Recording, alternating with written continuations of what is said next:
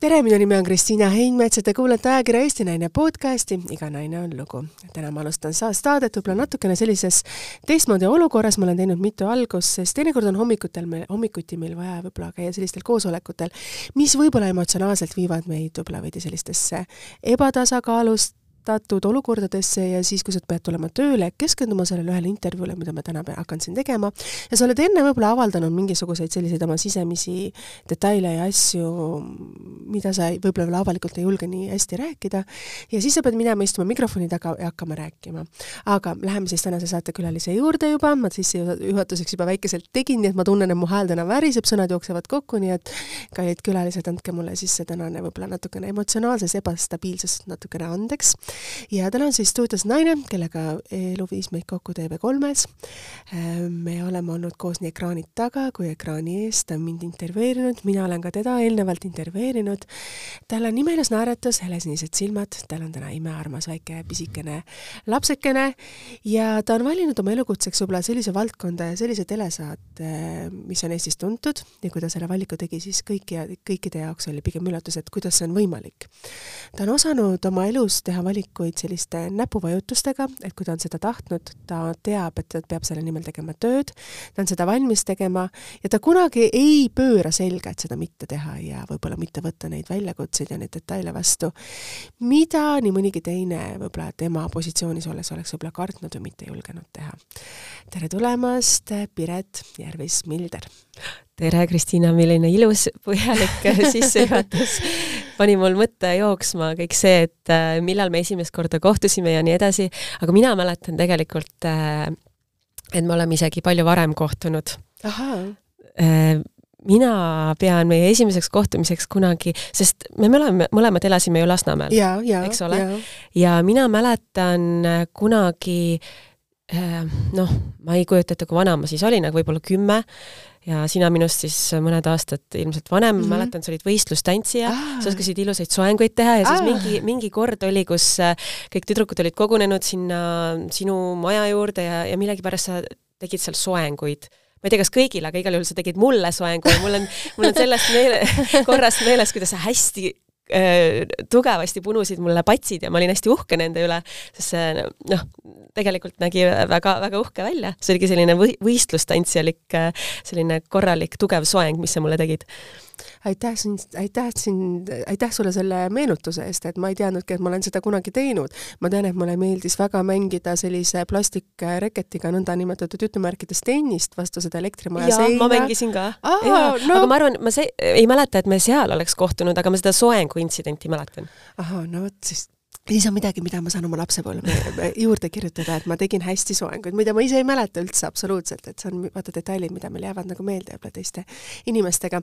aga Piret, sa ju valisid endale tegelikult elukutseks töö nüüd ju Pealtnägijas ja see on Eesti, ütleme, kõige vaadatavam telesaade. et kui sa võtsid selle otsuse vastu, mis tunded sind valdasid, et sa olid küll õppinud meediat, aga ikkagi esimene telesaade, mida hakata nagu selliselt äh, tugevalt nagu tegema, et kas sul nagu jalad ka värisesid, sest noh, Mihkel Kärmas ja ikkagi kõik need, kes on sealt nagu läbi käinud, need saatejuhid, need on ikkagi Eesti ju legendid jaa, no tegelikult, kui nüüd nii võtta, siis sellest mm, ajast, kui ma Pealtnägijasse tööle läksin, on nüüdseks juba üle kümne aasta möödas. nii et jah. aeg on lennanud vahepeal, aga toona jaa, minu jaoks, enda jaoks tuli samamoodi üllatusena jah, et, et mulle sealt pakkumine tehti, sest mina ei oleks ka ennast äh, uurivaks ajakirjanikuks äh, nagu osanud mõelda, et ma selle ajani olin eh, ikkagi olnud meelelahutusega rohkem seotud nii saatejuhina kui noh, muusikuna samuti. et ehm, jaa, et see oli suur üllatus, aga, aga Pealtnägija meeskond ise põhjendaski oma valikut läbi selle, et nad tegelikult natukene otsisidki ah, oma ridadesse sellist äh, meelelahutuslikumat äh, verd, äh, et alati noh, tea-, Pealtnägija on teada-tuntud oma nende mm. tugevate keeruliste lugude poolest, aga jah, et, et see saatekomplekt nagu ei läheks liiga raskeks, kui televaataja äh, teleka ees on, et siis äh, jah, et, et sinna komplekti tuleks juurde midagi natukene mahedamat ja minu ülesandeks alguses saigi see. nii et äh, jaa, et selles mõttes äh, ma olen väga tänulik jah, et äh, et mind kampa kutsuti ja eks näis jah, kas meie ühine teekond jätkub või mitte, et äh, oleme juba vaikselt siin äh, arutanud äh, mõtteid, sest et noh, sügis tuleb, minul vanemapuhkus mm, saab varsti läbi või noh äh,, ongi, ongi sealmaal, et peaks uuesti varsti mm, jah, tööle minema, nii et äh, jaa, et äh, mul oleks mõnes mõttes väga hea meel, kui meie ühine tee jätkuks, aga, aga ütleme, et olukord on selles mõttes natukene muutunud, et äh, nagu sa ise ka ütlesid, ma olen vahepeal emaks saanud äh, ja, ja pealtnägija töö on jah selline, et võib-olla pere kõrvalt ta ei ole nagu kõige lihtsam töö, mida teha, et see on töö, mis nõuab sellist jäägitud pühendumist ajaliselt ennekõike ka, et et seal ei ole nagu Äh, ütleme, puhkepäevi ei ole, kui pealtnägijad teed, äh, võib-olla ei ole isegi vabu õhtuid alati, et äh, selles mõttes on tõsine mõttekoht, et kas jah, lapse kõrvalt on hea mõte nii suurt pühendumist nõudvat tööd ette võtta, aga samas ma arvan, et kaasautorina võiks ikkagi koostööd jätkata. samas on ju see ka töö, mis võimaldab sul lapse kõrvalt seda teha. nagu sa ütlesid, et sa võid seda teha õhtuti, sa võid teha seda varahommikuti ja ka nädalavahetustel. ei no pigem see on see, et sa teed seda nii hommikuti, õhtuti kui nädalavahetustel. et selles mõttes ta just ei ole lapse kõrvalt tegemise töö, et see ongi pigem see, et, et see on niisugune töö, et sa oled sellega, sellega nagu saba ja sarvedega seotud ja, ja noh, kakskümmend neli tundi tegelikult sa kannad neid teemasid endaga. et ähm, jah, pigem, pigem jah, ta ju ole selline äh, pereinimese töö või jah, et kui oled eriti pisikese lapsega, ikkagi tahaksid nagu äh, seda aega aga mõtle selle koha pealt jälle, ma lihtsalt räägin nagu mm -hmm. enda kogemusest, et kui sa käid üheksast viieni tööl, sa pead selle lapse viima iga hommiku hiljemalt poole üheksaks lasteaeda, et jõuda ise kella üheksaks tööle. aga kui ta ärkab sul hommikul üles palavikuga? vot, no ongi et äh, ma, ma veel ei kujuta seda, seda täpsemalt ette jah, et äh, mis sa siis teed, sa ei saa seda lasteaeda viia või kui sul on väike nohu, siis täna sa isegi ei tohi väikese nohuga viia teda lasteaeda? ei tohi jah, et see, see on jah, minu jaoks täielik müstika tegelikult praegu nüüd, olles ise lapsevanema rollis, ma kogu aeg mõtlen ja imestan ja imetlen tegelikult neid lapsevanemaid, et kuidas nad suudavad seda töö ja era, eraelu ikkagi niimoodi klapitada, et nüüd see kõik noh, ongi, ootab ju ennast ka ees ja, ja tihti on jah, tõesti küsimus, et aga kuidas see on võimalik, sest et ongi, kui laps käib lasteaias, need haigused käivad lapsi mööda väga tihti, eriti talvistel perioodidel, et jah, et, et kuidas üldse see töö tegemine peaks olema nagu selle kohta tehtav. ma ütlen, et kui sul on võimalik teha ajakirjaniku tööd, siis see on üks parimaid ameteid, mida sa saad teha oma väikeste laste kõrvalt, äh, kas televisioonis või ajakirjanduses, sa saad valida oma aega, millal sa kirjutad, sa saad seda teha ka oma ööajas, kui sa oled päev läbi olnud oma haige lapsega, kes on sus üles olnud kõrge palavikuga, nii ma räägin sealt oma kogemusest. ja kui vaja on, sa saad teda võtta ka palavikuga tekises kaasa, panna ta intervjuu ajaks enda kõrval olevale diivanile, teha intervjuu ära, mina olen seda teinud, kui mul oli keskmine poiss ja ma olin TV3-s reporterina, siis oli vaja intervjuud ära teha ja aja, aja, see oli kokku lepitud õhtuseks saateks.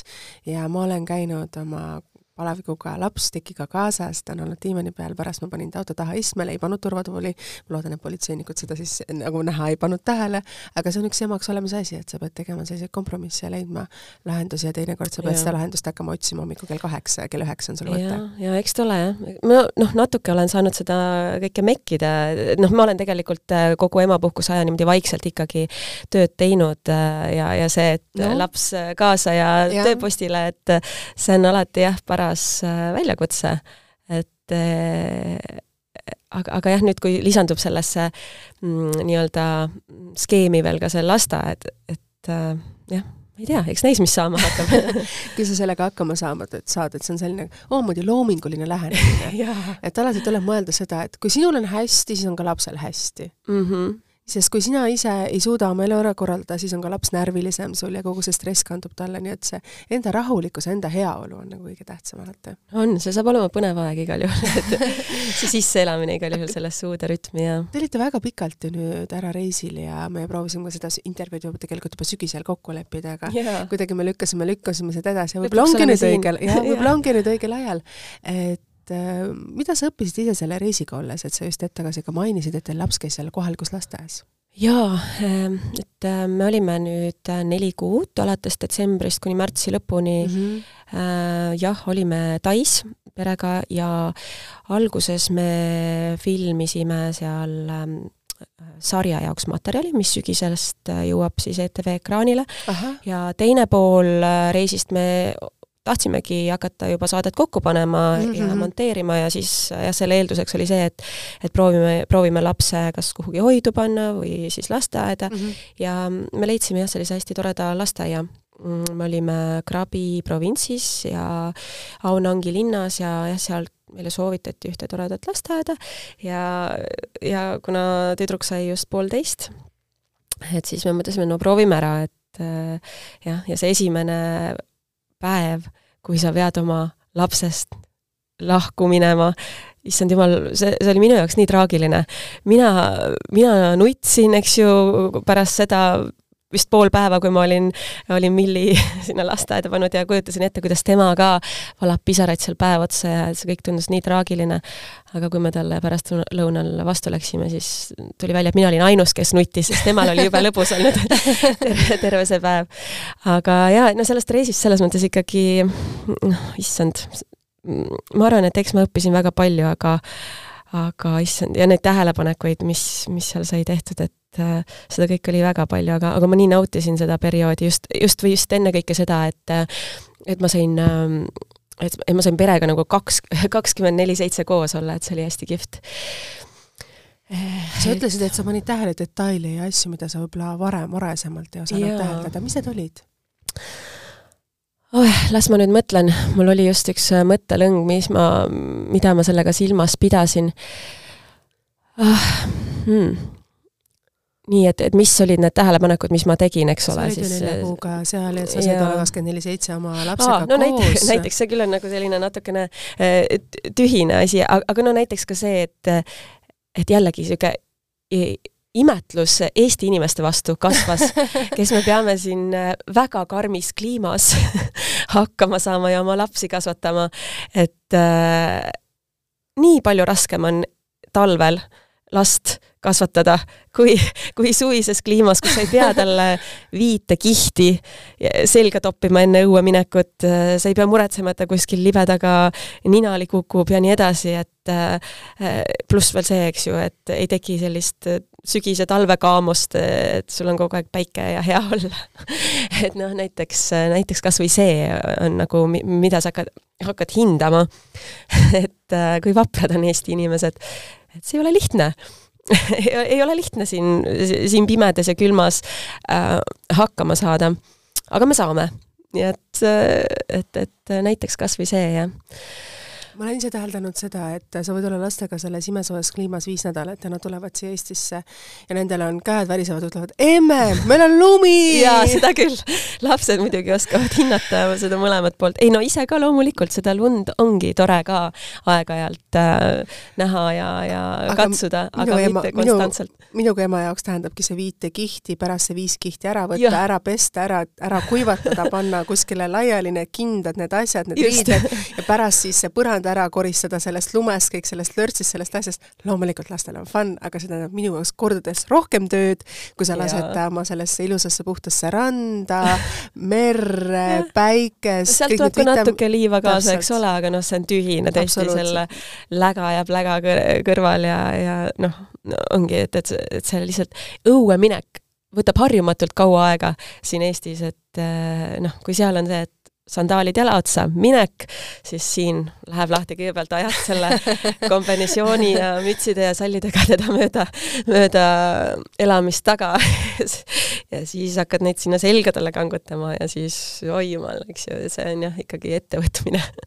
Aga räägi seda, et sa mainisid seda, et sa oled Lasnamäe tüdruk, me järelikult elasime siis seal kolmandas mikrorajoonis suht kõrvuti majades? Äh, jaa, äh, ma arvan küll vot nüüd enam ei mäleta täpselt neid tänavanimesid, aga Võrgu, Võrgu tänav oli, mis oli, hiljem ja, oli ja, Arbu, vot mina elasin, elasin seal.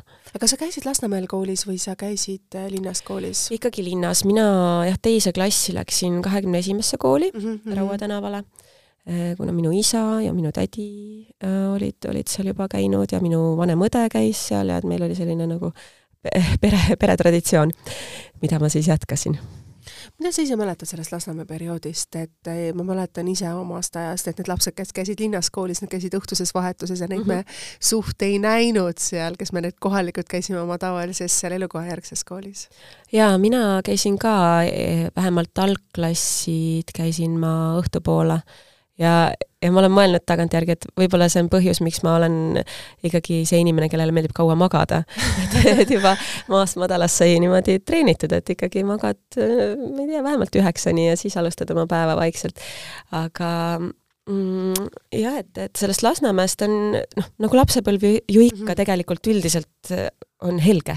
et äh, on, on head mälestused sellest ja minu arust seal Lasnamäel oli väga põnev ja, ja oligi palju, palju lapsi, eks ju, sealt ümbruskaudsetest majadest, kellega mängida pidevalt ja et igav ei hakanud, aga ma mäletan ka ikkagi seda, et, et kogu aeg oli ka mingi selline pisike hirm, sest ikkagi levisid sellised jutud, kuidas seal, ma ei tea, mingid gängid omavahel kaklesid ja, ja mm, noh, ma ei tea, kuidas seal koridor, koridorides leidus aeg-ajalt mingeid perverte, kes, kes lapsi taga ajasid ja nii edasi, et selliseid hirmujutte ringles ka ja see foon nagu on, on ka natukene meeles, et alati oli selline väikene, väikene jah, hirm üleval ma arvan, see eksisteeris võib-olla rohkem isegi Nõukogude ajal võib-olla, kui see reisriia oli ära, sest kui meil tekkis, kuidas öelda, see äh, Eesti Vabariik, siis meil ju tekkisid need fonolukud ja uksed pandi tegelikult ja, kinni ja lukku, sest ma mäletan mm. seda, kui mina olin ise väike, siis trepikud olid avatud ja minu õde oli minust kordades nii palju vanem, siis tema mäletab neid gänge kordades rohkem. ja tema mäletab nagu sellist äh, noh, mitte võib-olla nii head olukorda seal, et õhtul ikkagi tütarlaps ei tahtnud seal Lasnamäel yeah. nagu käia, aga vaata, ma olin ise nii väike, et mina ei mäleta sellest midagi. tema nüüd, ma olen aastaid hiljem mäletanud, ütles, et noh, oli teatud kohti, kus kõik teadsid, et nad hoiavad eemale, aga sellest kuidagi avalikult nagu otseselt nagu ei räägitud mm. ja oli ka juhtumeid, mis avalikkuse ette ei jõudnud, millest alles aastaid hiljem nagu hakati rääkima või julgeti rääkida. no ma ei tea, meie trepikool näiteks oli ka see fonolukk olemas, vist ikka oli või, või äkki meil siis just ei olnud, aga meil ikkagi oli paar konkreetselt sellist juhtumit trepikojas, kus, kus rünnati või noh, jah, niimoodi. mis ei olnud nagu noh, jah, et olid, olid sellised ja. nurgatagused ja asjad. kuule, aga, aga läheme edasi, et, et mis on võib-olla need sõnad ja need asjad, mida sa oma enda kodus kaasa võtsid, et sa ütlesid, et teil on peretraditsioon oli käia kahekümne esimeses keskkoolis, aga mis on võib-olla need sõnad, mida sa oma emast mäletad ja oma nagu lapsepõlvest mäletad, mida sa oled nüüd ise kaasa võtnud, sest kui me saame emaks, siis me võib-olla hakkame väga palju neid, neid asju, mida me oleme lapsepõlves kogenud mm, -hmm. alles siis väärtustama ja hindama, mis on meile kodus kaasa antud. Jaa, no ma olen väga tänulik tänulik, et minu vanemad kuidagi on alati mind usaldanud, et ma ise kogu aeg mõtlen ka seda, et kas ma suudan olla niivõrd usaldav oma lapse või võib-olla isegi tulevikus laste suhtes, et, ähm, et anda neile nagu nii palju, kuidas öelda siis, otsustusõigust ja võimalust. et ähm, jaa, ma ei olegi, ma ei ole kindel, kas ma olen nii, nii julge või no, no üldse tegelikult, eks see oli ka jällegi ajastu värk, et et ähm, noh, mina juba teises klassis käisin üksi koolis ja nii edasi, eks ju, et ja noh, ma läksin vist äkki seitsme, seitsmeaastaselt teise, no ja tegelikult kuueselt juba esimesse klassi, siis ma käisin küll äh, oma nii-öelda lasteaia juures esimeses klassis, sinna ma ka läksin üksi. et ma mõtlengi, et kas ma oma kuueaastast tütart julgeksin niimoodi täiesti üksi lasta linna peale mm,? Mina vastan ei. No vot, et see on kas üks asi, pluss, pluss hilisemast ähm, nagu noh, ka teismeeast ma mäletan, et nad õudselt usaldasid mind kogu aeg, et äh, mul ei olnud selliseid karme vanemaid, kes ütlesid, et ei, et ei lähe sõpradega äh, välja, et kui ma ikkagi nagu põhjendasin ära, et, et noh, ma ei tea, kuueteistaastasena näiteks, et ma tahan minna õhtul kuhugi kellegi juurde peole näiteks, onju, siis nad ütlesid, et okei okay,, kui sa lubad, et sa käitud normaalselt ja ja annad meile teada täpselt, kus sa oled ja mis sa teed, et siis palun, mine. aga lihtsalt sa tead, et, et me nagu usaldame sind ja usume sinusse et sa ei keera mingit käkki kokku. kui sa nüüd tagasi mõtled, kui palju oli seda mõnes mõttes jutumärkides natuke kuritarvitamist, et see lubadusest ja, ikka no, sai natuke no, kindlasti ka üle oli. astetud no,? oli, onju, aga samas ma nagu, kui ma kõrvutangi eh, seda olukorda nende inimestega, kelle, kelle, kes nagu astusid konkreetselt vanemate nagu eh, keelust üle ja läksid salaja kuhugi ja nende vanematel ja. polnud õrna aimugi, kus nad ja. läksid, eks ju, et minu vanemad vähemalt teadsid, kus ma, kuhu ma läksin, aga noh, loomulikult oligi seda piiride ületamist oli ju ka, aga, aga ma arvan, et ähm, mis olid need piirid, mida sa ületasid teismeeas no millest ma, võib täna rääkida no ma ikka käisin kuskil täielikel põrandaalustel pidudel, mingitel trummibassipidudel juba kuueteistaastasena, et ähm, salaja sisse? Ju, jah, salaja sisse täpselt, et noh, natukene kuueteistaastane tüdruk juba või ennast nagu meigib siit-sealt, eks ju, siis noh, petab ära küll, et võib, võib-olla on nagu kaheksateist ja ja võib uksest sisse lasta, aga, aga seda põnevusmomenti oli küll ka jah, et kas ikkagi saab või ei saa äh, jah, peole sisse. aga jah, et ähm, noh, loomulikult oligi seda, seda oli, et ähm, et hängisin, hängisin ikkagi seal võib-olla jah, liiga palju mingites sellistes urgastes, kus, kus poleks pidanud, aga ikkagi noh, ma arvan, arvan, et ma midagi nagu täiesti sellist äh, noh, pöörast äh, ei korraldanud õnneks. Ja, ja, ja ka see seltskond õnneks ilmselt ei olnud noh mm,, väga hull, pigem ikkagi normaalsed inimesed, kellega ma läbi, läbi käisin ja, ja tänu sellele noh, midagi hullu ei juhtunudki. aga no jällegi mõtlemise koht, et, et kas ma oma tütart nagu nii heldekäeliselt lubaks, aga võib-olla jällegi tasuks, noh, ma ütlen, et sellel kõigel olid omad plussid, et kui olla nagu see karm vanem, kes midagi ei luba teha, et siis nagunii tehakse. siis tehakse ja, ja võib-olla tekib lihtsalt nagu halvem side ja suhe oma lapsega. tekib sul lapsena trots oma vanemate yeah. vastu ja see usaldus kaob. just, just. kui sa nüüd mõtled ise tagasi oma selle, kuidas öelda, põrandaluste pidudele ja asjadele ja mäletad sa seda hetke, kui sa ütlesid oma vanematele, et nüüd ma hakkan muusikat tegema, nüüd ma lähen Vanilla Ninjasse, millal oli see päev ja mida sa mäletad sellest? no tegelikult see nii-öelda hoovõtt selleks äh, bändiks, äh, see kestis äh, päris pikalt, et selles mõttes see ei tulnud üleöö. võib-olla see oli nagu märgiline päev, kus, kus ma tutvusin Sven Lõhmusega, kes, ähm, see oligi vist äkki aastal kaks tuhat üks, jah, kaks tuhat üks, Äh, oli siis läbi ühe minu sõbranna andnud mõista, et ta otsib tüdrukuid, kellega koos võiks äh, uut bändi hakata tegema. Ja muide, see sõbranna, äh, kes siis minu ja Katrini kutsus sinna nii-öelda proovi ähm,, proovi esinemisele või, või katsetele, oli Triin Randlo, keda sina sama hästi, sama hästi tunned. aga, aga noh, see asi jäigi vinduma selles mõttes, et see kooslus, kuhu siis kuulus ka Triin ja mina, Katrin ja veel üks tüdruk, üks Mari, keda me tegelikult hilisemas elus polegi enam kunagi näinud, et see kooslus nagu noh, me kuidagi vaikselt niimoodi võtsime hoogu, aasta aega see kõik asi kuidagi nagu niimoodi tiksus, aga kuhugi välja ei jõudnud, kuni siis üks hetk oligi, et äh, Triin ja Mari ütlesid, ah, meie rohkem ei viitsi, et vaadake ise, kas teete edasi või ei tee, aga, aga noh, kuna mina sain Sveniga lihtsalt kuidagi inimlikul tasandil nii hästi läbi, meil oli noh, niisugune hea äh, tugev sõprussuhe, et, et siis selle pealt nagu mm, läks see asi ikkagi üks hetk äh, konkreetseks ja, ja kui me leidsime punti Lenna ja Maarja, siis, siis nagu oligi see asi sündinud, aga aga see, see bänd ei tekkinud nagu päevapealt, et ikkagi see jah, niimoodi läks vaikselt. Läks ikka paar aastat teile aega, nagu ma saan aru, et mm -hmm. selline edasi-tagasi. aga kui sa nüüd nüüd mõtled selle peale, kui vana sa olid, kui sa nagu sinna bändi läksid ja kui, ja kui sa mäletad ka seda hetke, kui läk-, kui tuli nüüd see esimene laul välja? Äh, ja vaata, ma mõtlen, Vanilla Ninja sai kokku kaks tuhat kaks augustis, meil saabki kakskümmend aastat nüüd mm -hmm. kokkusaamisest sellel aastal ja mm, jah, meie esimene, täiesti esimene laul, mis me salvestasime, ilmselt see oli ka seal kuskil sügisel kaks tuhat kaks, äh, kandis nime äh, kas see oli äkki, kas Purunematu või Nagu rokkstaar, emb-kumb. ja, ja ma mäletan jah seda, et me salvestasime neid esimesi lugusid äh, sellises väga täbaras seisukorras äh, garaažis põhimõtteliselt, ei no oligi garaaž äh,, mis asus Mõigus ähm, ja, ja seal oli siis jah, üks tüüp, kellel oli noh, tol ajal niisugune arvuti, vajutas seal neid nuppe, tal oli noh, see nii-öelda laulu mm,, lauluboks ka, kuhu siis saab sisse minna ja vokaale salvestada. ja nii see käis, et täiesti väga ebaglamuursed olud olid need, kust me alustasime. Aga õhin oli suur ja ma arvan, et see õhin, noh, ongi, et sa oled äh, noor teismeline tütarlaps ja noh, ma, mina olin tegelikult unistanud küll juba pikka aega sellest, et äh, tahaks, tahaks kunagi ka bändi teha ja, ja kui see kõik hakkas, see unistus hakkas realiseerima, realiseeruma, et see oli, see oli väga-väga äge.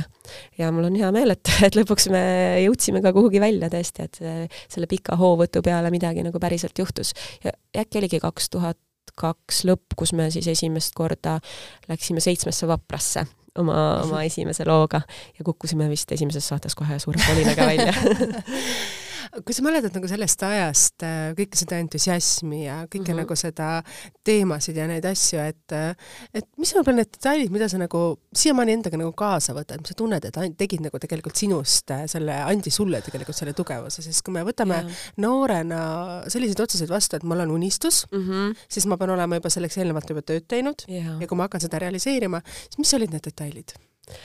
no tegelikult sellest noorest, sellest nooruse õhinast ma tihti mõtlen, et, et see on selline seinu purustav jõud minu arust. Ja, ja ma nagu igatsen seda mõnikord, sest ma, ma ütleks, et nagu aastad ja niisugune elukogemus, see kõik lihvib, lihvib seda, seda sellist nagu elevust mingitest uutest asjadest kogu aeg maha. et sa justkui oled nagu kõike juba mingi hetk näinud ja teinud ja ükski asi enam ei, ei tekita mitte kunagi päris samasugust eh, entusiasmi, kui, kui see jah, kui need asjad, mis tekitavad sinust seda entusiasmi, kui sa oled alles noor ja -hmm. kogenematu.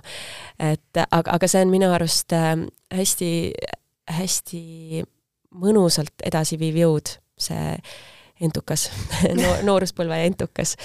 Ehm, ja, ja ma, ja aeg-ajalt ikkagi noh, kas või praegusel ajal mingeid asju tehes ma justkui püüan tagasi minna Äh, enda sisse, et üles leida jälle see, see, see õhin, et teha asju, kui üldse midagi teha, et siis teha selle sarnase õhinaga, et võib-olla see ei ole enam, eks ju, nii tugev, aga, aga võiks midagi sarnast olla või vähemalt meenutada natukenegi seda, seda õhinat, sest et ma arvan, et selle õhina pealt tehtud asjad on nagu, tulevad kõige paremini välja. sest need on tehtud nagu südamega. Need on võib-olla ka piiri ületa-, piire ületamaid ja piire mitte märkavad otsused just, ja ma arvan, et tihti tegelikult neid otsuseid on vaja, jällegi elukogemusega sa nagu oled, muutud kartlikumaks, eks mm -hmm. ju, mhm. ei julge, ei julge võib-olla kõiki otsuseid vastu võtta või, või analüü-, analüüsid liiga palju ja ja et see kõik võib saada lõpuks komistuskiviks. kas sa analüüsid liiga palju? Äh, oled sa seda et... täheldanud, sest kindlasti su töö on mm -hmm. üks, äh, on, on valdkond, mis nagu nõuab sul seda ja. ja sa oled seda ka viimasel ajal ju, viimased kümme aastat pidanud arendama selliselt mm, -hmm. et teha seda tööd äh, selliselt, nagu sa teed. jaa, jaa, ja ma ei teagi, kas see on selle tööga kuidagi seotud, aga või jällegi kuidagi mm, elu ise äh, läbi oma õppetundide on, on viinud selleni, et ma ikkagi jah, põen liiga palju, et ma sellega, sellega, sellega kogu aeg üritan tööd teha või selle kallal nagu tööd teha endaga, et et mitte üle mõelda, mitte põdeda, et jah, et ma, ma tunnen küll, et kohati nagu noh, kui tuleb kas või mingisugune äge ettepanek, aga siis esimese asjana hakkad nagu mõtlema, aga äkki ikka võib midagi untsu minna, et äkki ikka oleks lihtsam mitte võtta neid väljakutseid vastu, et noh, see, seda tegelikult ei ole vaja. noh, mõnikord ongi võtta mõistlik võib-olla um, lihtsalt sundida ennast kõigele jah ütlema. noh, loomulikult jällegi praegu tundub nii tobe, et kõigele ju ei ütlegi jah, et siis sa raiskad ennast, on ju, aga näed, võib-olla peaks. ja ma aeg-ajalt olen teinud neid perioode elus, kus ma lihtsalt mõtlen, et ma ütle, ütlen jah. aitäh, et sa minu podcast'i tulid. no täpselt et äh, noh, näiteks, näiteks ongi, et, ma väga tihti ei, ei tule intervjuudele ja ei anna intervjuusid, see on ka tõsi, sest ma, ma nagu mõtlen, et noh, jälle hakkab see põdemine pihta, et aga on mul vaja on mul vaja jutustada nii palju ja mida see, mida see annab teistele inimestele seda minu, minu jutt, juttu kuulates, eks ju. aga, aga näed, teinekord võib-olla sellest on kellelegi mingit tolku, eks ju. noh, jällegi, ütle jah ja tee ära ja ära, ära mõtle liiga palju. aitäh siin, aitäh sulle selle ausa ülestunnistuse eest, sest tegelikult see ongi reaalsus. et see, kui me julgeme rääkida teemadest mida me tegelikult võib-olla sulgeme ukse taha või yeah. kui me julgeme minna välja ja öelda, mis on meie arvamus, olenemata, kas teised arvavad, et see on õige või see on vale ja meil ei ole vahet, mida teised arvavad mm, -hmm. siis see mhm. ongi oluline, sest neid, neid inimesi tegelikult, kes võib-olla meiega samastuvad või meiega sarnased on või meile kaasa elavad, on tegelikult kordades rohkem yeah.. ja nende võib-olla häält me ei kuule nii palju kui need, kes yeah. võib-olla kritiseerivad, ütlevad halvasti ja nii vist kipub olema jah, et, et, et sellist, eriti see on vist ka selline eestlaslik loomus, et et äh, väga ei, ei julgeta üksteist äh, kiita või mm. millegipärast, noh, avalikult vähemalt mitte, et äh, oma peas võib-olla küll mõtled, et oi, no on tubli naine ja tore inimene ja aga kui tihti sa ütled seda kas või oma sõbrannadele või noh? ühesõnaga, lepime sellise asja kokku, kui me midagi näeme head, teises naises, siis me läheme, ütleme selle välja. absoluutselt ja peakski, peakski ütlema ja peab üha rohkem ütlema, Kristiina, sina ka igisärav inimene aitäh, aitäh aitäh sulle, Piret. Äh, nii et kallid kuulajad, me teeme teile Piretiga sellise väljakutse. Äh, proovige kuni emadepäevani öelda iga päev üks hea lause mõnele heale sõbrannale, kes on ema, kes on olnud teie kõrval juba neid aastaid, keda te ei ole võib-olla mõne aasta näinud või te ei ole nagu suhelnud või teil on olnud see lähim kontakt, et kui te vaatate enda sisse, et kellega te tahaksite suhelda, võtke see telefon ja helistage ja öelge kas või üks hea sõna, uskuge, see muudab nii paljude inimeste palju. Mm. maailma. jaa, see on äh, väga lahe üleskutse, ma olen äh, kahe käega poolt ja, ja isegi äh, see võiks võib-olla isegi pikendada seda nii-öelda väljakutseperioodi, et, et sealt emadepäevast veel edasi ka, võib-olla selle, terve selle aasta vältel võiks olla selline eesmärk, et igas päevas vähemalt ühe hea sõna kellelegi. ma olen, ma olen aru saanud, et kui sa ei pane tähtaega. aa, et siis see läheb lappama? siis see kuidagi kaob nagu ära, et küll ma jõuan okay,. nii et äh, emadepäev mm -hmm. on meil kohe ukse ees, emadepäevani ei ole enam palju aega, mõelge, et te teete ühe kõne vähemalt selle aja jooksul kellelegi. kas igas päevas, see on juba iga enda asi, aga vähemalt ühe Aa. kõne, teeme ühe kõne. Okay.. proovime iga päev teha selle kõne, kui mitte, siis üks kõne vähemalt selle aja jooksul, et see oleks nagu selles mõttes väljakutse, et mulle endale väga meeldivad need väljakutsed, ma teinekord olen ka neid ise harrastanud, aeg-ajalt need samamoodi vajuvad ära, aga kuidagi see esimene entusiasm, et ma nüüd lähen ja tahan teha midagi muud ja muuta midagi, et see ja. on nagu hea. See on hea ja see on väga kihvt väljakutse. Ehm, sa oled olnud pealtnägijas kümme aastat, aga sa ju telekarjäär sai alguse hoopis ju Concordias töötades mm, -hmm. mitte töötades, vaid Concordias mm -hmm. õppides ja sa sattusid ju TV3-e. kuidas sa Concordiasse sattusid, selles mõttes ikkagi, et Vanilla Ninja, Concordia, kõik see oli ju suht selline ühel ajal? tuli jaa, ühel ajal jah, et no ma kuidagi kohe pärast keskkooli lõpetamist ma teadsin õnneks, noh, et äh, oli, oli selline kutsumus, et, et see meediamaailm mind tõmbab ja, ja kuna Concordias tol ajal sai seda eriala õppida, siis, äh, siis ma proovisin ja, ja sain sinna sisse ja äh, ja, ja, ja siis oligi vist paar kuud hiljem, kui toimus casting mm, -hmm, et mhm. otsiti TV3 uusi nägusid ja siis ma mõtlesin, no aga kui juba, siis juba ja ja ma lähen ka proovin ja, ja jah, ja tol korral õnnestus, et mind, mind valiti välja ähm,. ka meie ühised tuttavad Raul ja Jaanus olid äh, tol korral siis äh, need, Raul Suvi ja Jaanus Saar, kes, kes siis äh, tolle konkurssi läbi viisid ja, ja kellega meil siis koostöö algas ja mitu aastat siis TV3-s mm, koostööd seal tegime. aga jah, et täpselt samal aastal siis, kui, kui ma ülikooli läksin, läksin, hakkas, hakkas ka jah, see Vanilla Ninja asi ametlikult pihta, nii et oligi paralleelselt niimoodi käis see stardipauk. ma tean, et sa mingil hetkel pidid tegema valiku, et me olime TV3-s ühel üritusel, mida samamoodi siis vist oli see Star Agency või kuidas selle ettevõtte nime oli nagu tollel ajal onju, kes tegi oma jõulupeo. Ja sa olidki teinud just selle valiku, et sa jätad nagu kooli ja praegu selle teletöö nagu kõrvale ja sa elad mm -hmm. oma selle nagu teistmoodi elu, ma mäletan seda lauset, sa ütlesid mulle, et et sa elad oma unistuste elu sest olite Vanilla Ninjaga Eestist ära ja te käisite siin pigem nagu väga harva.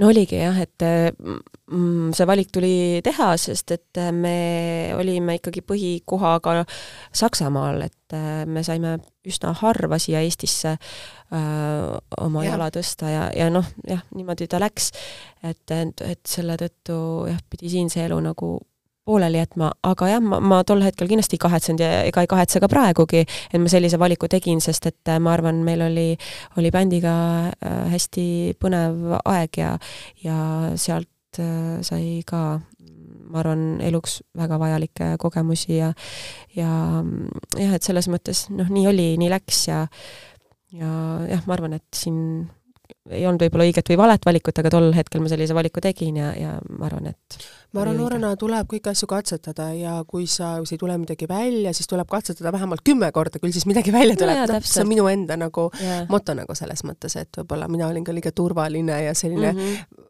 turvaliste valikute nagu tegemine, pigem see hirm no, ja üksteisele piiride paneme, ei, ma ei tohi seda teha, ma ei tohi uh -huh. seda, iseenda võimaluste eitamine oli no, üks minu põhiasi. mis ma räägin, noh, et äh, kogu aeg on nagu see hirm öelda asja, uutele asjadele jaa ja ja et ongi, et see mugavustsoon on nii peibutav ikkagi, et äh, noh, tead, et seal ei juhtu nagu midagi halba sinuga.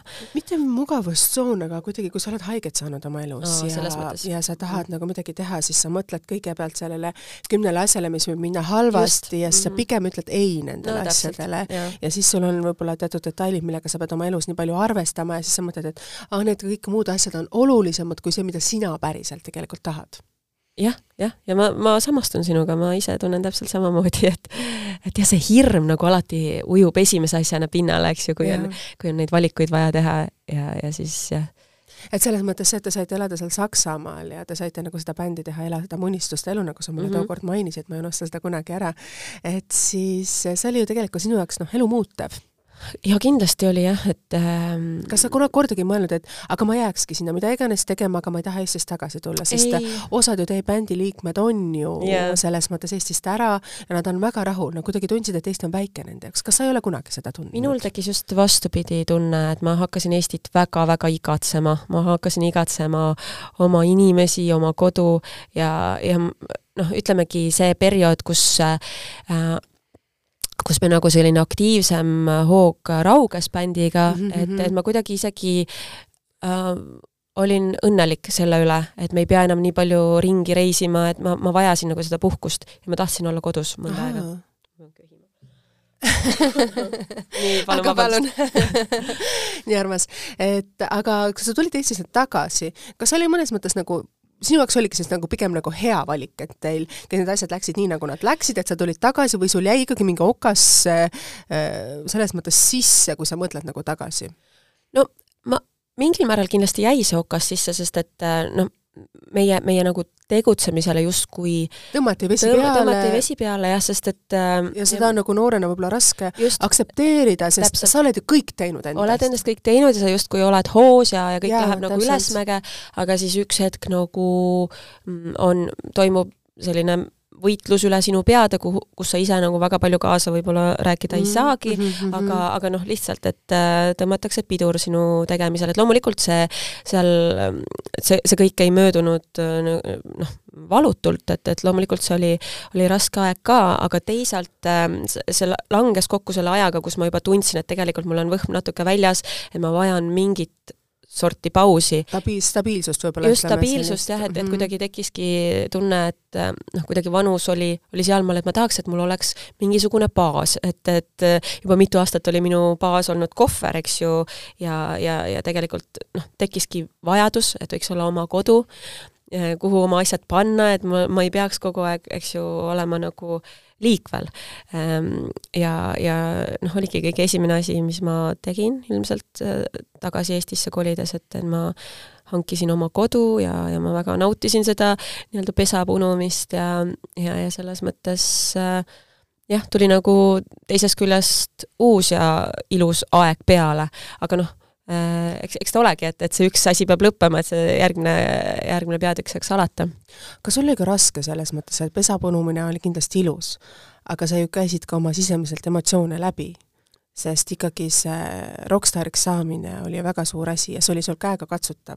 ja sa tuled siia tagasi, sul on küll seda vaja, aga sa ju sisemiselt kindlasti põlesid noh, selle noore inimesena ikkagi palju jah, seda küll, aga ma ütlen, et, et noh, ausõnaga, et mul oli nagu ikkagi mingi väike läbipõlemise niisugune nagu ähm, hetk kätte jõudnud, et äh, me olime väga-väga palju tööd teinud selleks hetkeks ja niisugust mm -hmm, hingetõmbepausi oli vaja ja, ja noh, meil ikkagi Eestis kontserdid toimusid edasi, et see ei olnud päris niimoodi, et nagu päevapealt mm -hmm. oleks kõik mhm. lõppenud yeah.. et selles mõttes ka see üleminek oli selline rahulik mm, -hmm. et, et me nagu päris päevapealt pille kotti ei pannud ja, ja noh, tänase päevani me tegelikult ei tea mitte keegi, millal me päris viimase kontserti enne pausile minekut tantsime. et see kõik tuligi hästi sujuvalt ja, ja noh, siis juba jõudsidki uued, uued tööd ja tegemised vahepeal ka peale tulla ja, ja selles mõttes polnud hullu. kas sa täna kitarri veel mängid äh, ma, ma mängin jaa, sest et äh, me ju tulime uuesti kokku, kokku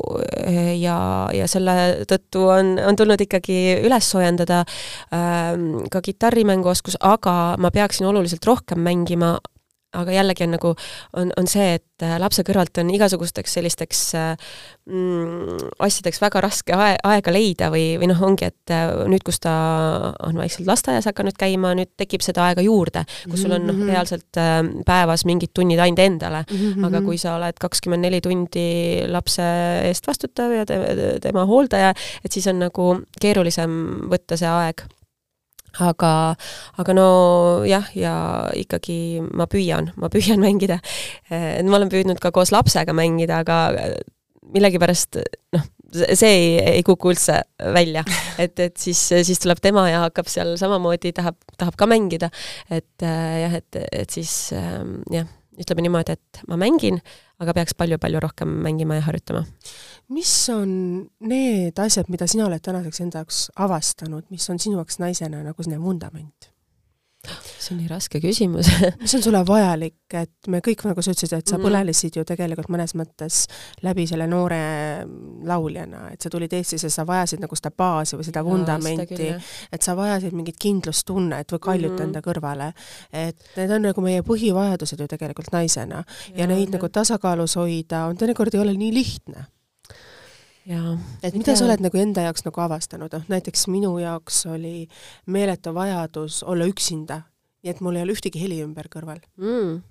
ja see kestis mõne aja täna mul on jälle kuidagi noh, vastupidi, et ma tahan, et mu ümber on inimesed, ma tahan, et ma liiguksin, et ma nagu ei vaja seda vaikust enam, et ma panen alati muusika peale. aa, huvitav, mul oli ka see vaikuse periood küll, jah. mul oli mingil hetkel, et kui keegi küsis, et mida sa, mis on su lemmikpala või muusika mm, -hmm. siis ma ütlesin, ma tahaks nagu totaalset vaikust. Mul oli täpselt sama mingi ja, ja täpselt pärast seda nii-öelda bändi tegutsemise lõppu, siis mul oli veel eriti, et ma kuidagi mingi aeg üldse ei tahtnud muusikat kuulda, täpselt vist samamoodi see vaikuse vajadus oli, et lemmikmuusika oli pigem vaikus. Jah, et üks hetk saab vaata mingit asja liiga palju su elus ja et siis on, on jah vaja seda nagu teist, teist ekstreemsust sinna.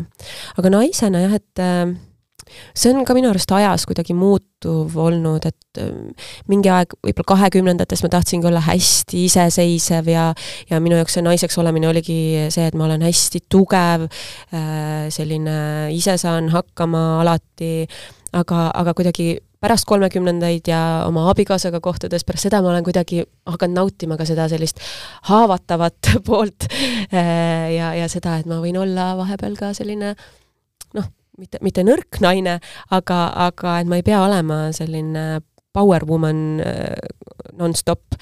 Äh, et ma arvan, et võib-olla see baas ongi selline tasakaal ähm, selle, sellise õrnuse ja tugevuse vahel, et leida see balanss, et, et leida need mõlemad pooled endas üles äh,, äkki see minu jaoks. sa väga ilusasti ütled, sest tegelikult alles aeg on see, mis paneb meid või annab meile julguse, et me julgeme olla nõrgad. jaa, vist küll jah, no mina tunnen ka, et äh, et alates võib-olla jah, sealt kuskilt kolmekümnendate algusest, et siis ma nagu hakkasin natuke nautima ka sellist või noh, ma julgesin endale kuidagi tunnistada, et mulle tegelikult ju meeldib, kui keegi minu eest hoolitseb ja poputab ja niimoodi, et enne seda ma olin niimoodi, et ei.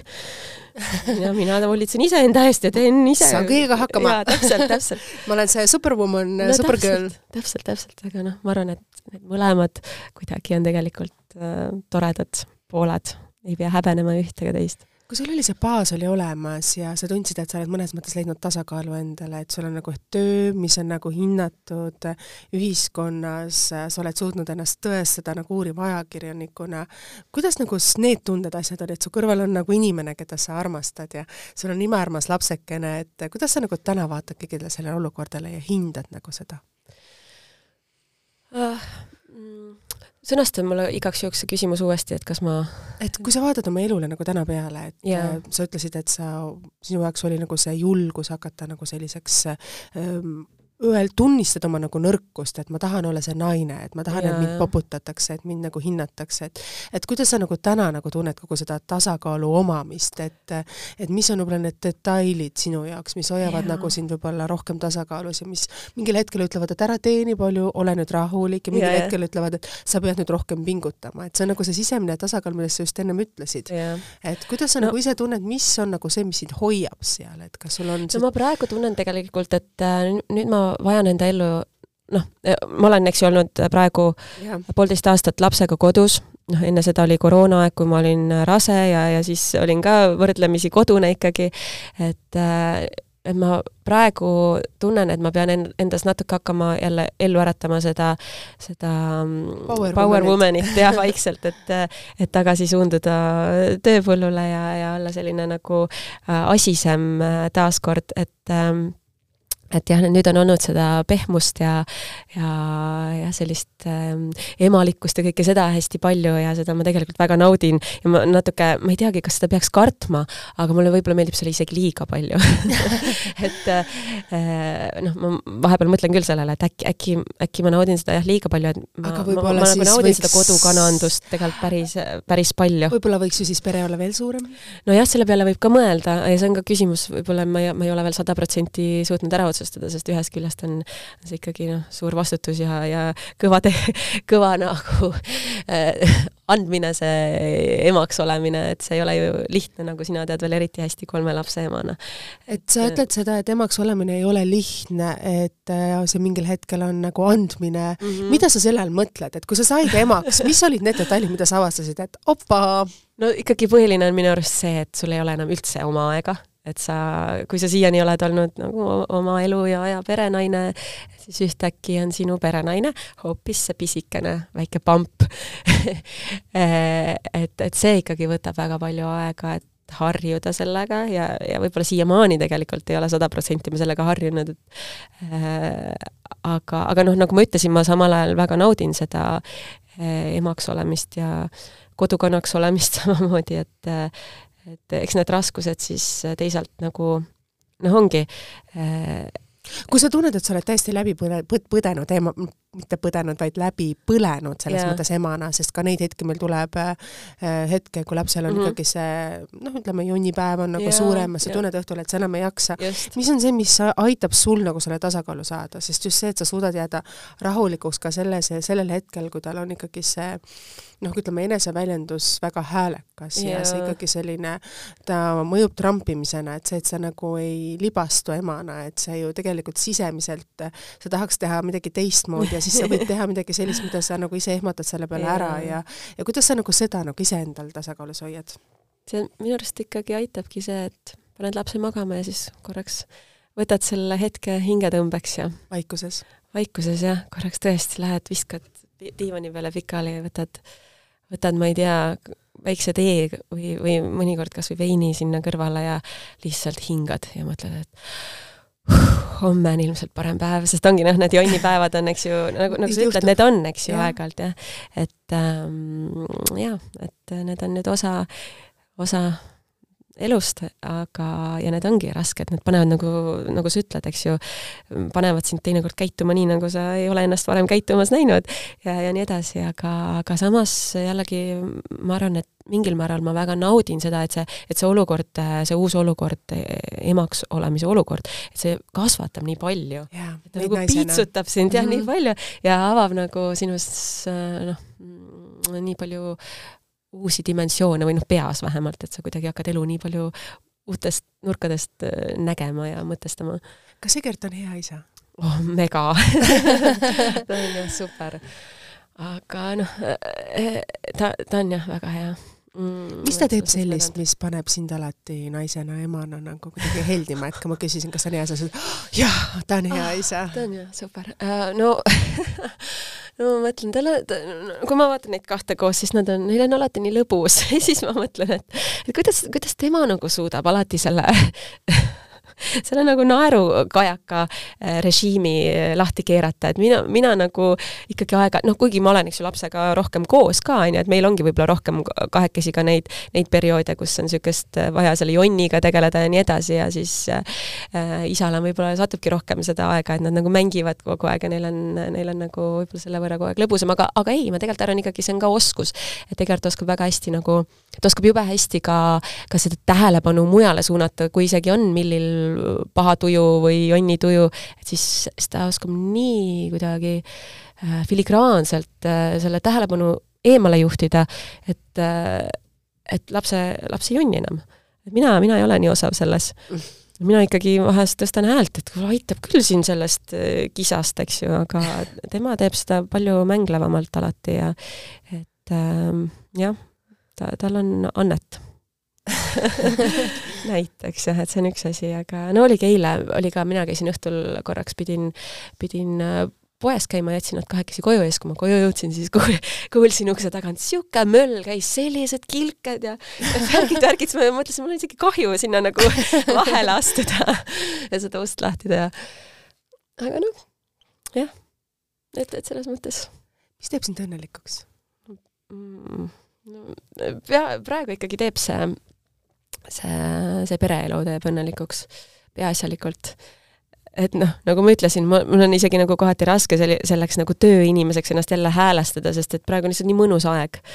aga, aga jah, samas mul on nagu võib-olla selle võrra ka olnud noh, kuidagi okei okay,, et ma olen saanud vahepeal noh, ka emaks olemise kõrvalt juba, juba tööd teha, et pole päris sada protsenti kõrval olnud, et jah, et ma olen, olen kuidagi tasakaalustatult saanud seda. See naiseks olemise eneseväljendus on hästi oluline, et ja, ja, ja see tasakaalu hoidmine ja see leidmine. Mm. -hmm, täpselt meie saade hakkab varsti nüüd äh, lõppema, me oleme juba tunnikese siin lobisenud, et aga kuhu edasi, sa mainisid, sa tahad minna oma töö tegemisi, neid asju, nagu sa ütlesid, et võib-olla sa ei suuda seda pealtnägija tööd enam selles mahus nagu teha, sest see on ikkagi aeganõudev. Ja väga paljud noh, kes emaks nagu saavad, siis me mõnes mõttes mingiks perioodiks dekvalifitseerime oma töö tegemised, kui me tahame olla need päris emad, see, et me näeksime iga oma lapse naeratust ja me saaksime olla iga emadepäeva peol, et me saaksime minna võib-olla ka lasteaeda temale kordades varem järgi ja olla nagu päris emad, siis see on tegelikult väga lühike aeg yeah. oma elu jooksul ja me saame alati oma ju töökohustusi suurendada mm, -hmm. võtta neid juurde, aga see, et teha see otsus, et olla ema, et see on ju ka mõnes mõttes naisena nagu raske, mõnes mõttes ei ole raske, et kuidas nagu sina siis oled otsustanud? noh, eks ta on, et, et süda mõnes mõttes tilgub natuke verd jah, et ei saa selle pisikesega nagu täies mahus kogu aeg koos olla, et noh, ongi alati iga hommik äh, üle lasteaia ukse teda andes on natukene paha tunne, et äh, miks ma ise ei võiks tema kõrval olla, aga noh, see ongi see sisseelamine selleks, et sügisest ma ikkagi ähm, noh, tahaks äh, tööturule tagasi sukelduda. kas sul on ka mõni asi mõeldud, et äh, te tegite selle mm, Tai saate mm, -hmm. nagu sa ütlesid, sa võib-olla jätkad suure tõenäosusega Pealtnägijas siis koostööd, aga kas on veel mingi salaplaan, mida sa ei ole siin täna avalikustanud? no meil on tegelikult ikkagi äh, bändiga praegu ähm, päris sellist mitu mõtet ähm, mõtet hõõgumas. et muusika on sul südames?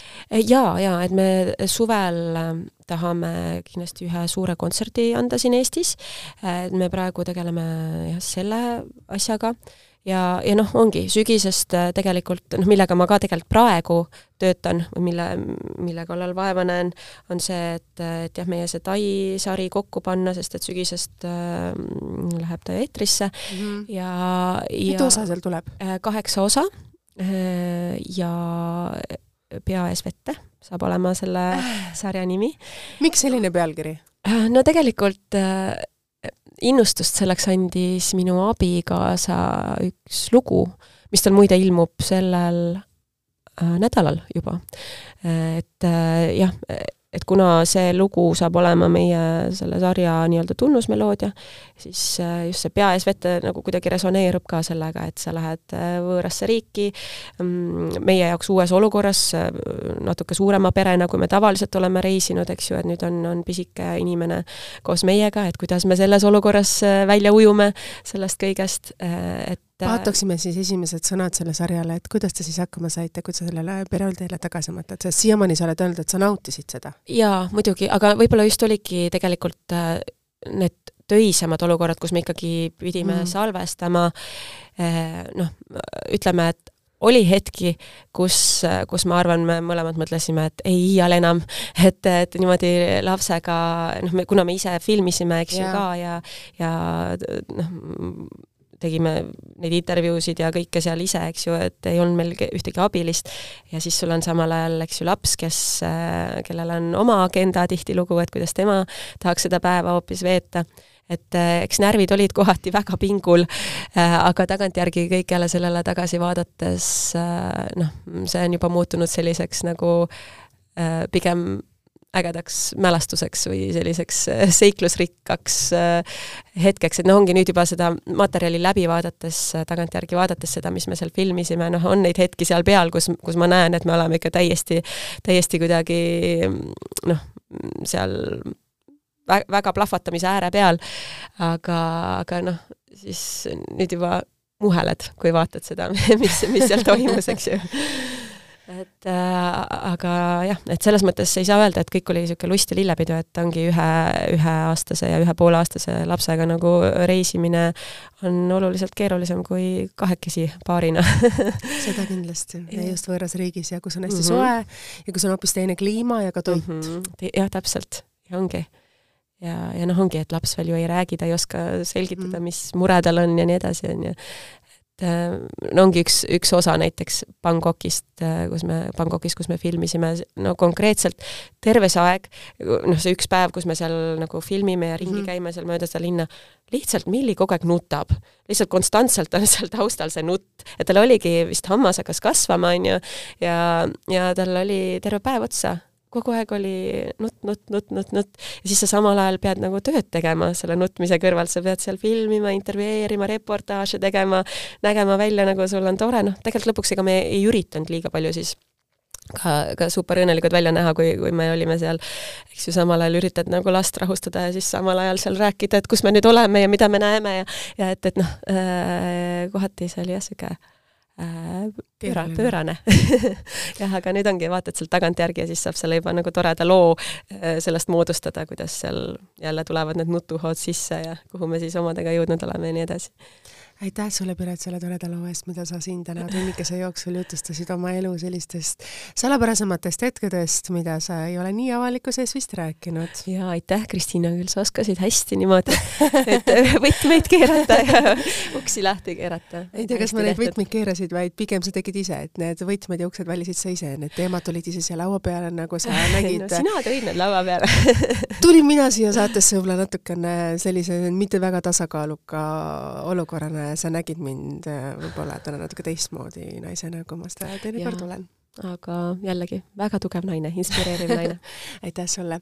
aitäh teile, kallid kuulajad, et aitäh, et olite meiega, ma loodan, et te saite siit palju inspiratsiooni, et elus tuleb teha alati nii, nagu te tunnete. Ja isegi kui on raske, siis tuleb alati võtta see julgus kokku ja minna elus edasi ja teha võib-olla valikuid, mis võib-olla teised vaatavad ja näitavad näpuga, aga kui sa selle valiku teed, siis kümne aasta pärast sa oled täpselt selline nagu Piret siin täna stuudios aitäh, Kristiina ja aitäh kuulamast! Aitäh teile ja nagu me ütlesime, meil on emadepäev tulekul, me pro-, anname teile selle veel kord selle üleskutse, tuletame meelde, prooviks teha kõike seda saadet kuulata vähemalt ühe kõne mõnele oma heale tuttavale võimalusel, sellepärast seda saadet, kui te olete seda kuulanud iga päev ühe kõne mõnele oma tuttavale, kellele te võib-olla tahaksite öelda hea sõna, kes on teid inspireerinud või teile kunagi midagi head teinud veel kord aitäh, Piret, aitäh, kallid kuulajad. Ja saade on ikka saadaval ja kuulatav nagu ikka Spotify's, tasku Delfi keskkonnas ja SoundCloudiski. Ja kohtume teiega juba nädala pärast. Ja head emadepäeva ettevalmistusi teile, kõike head!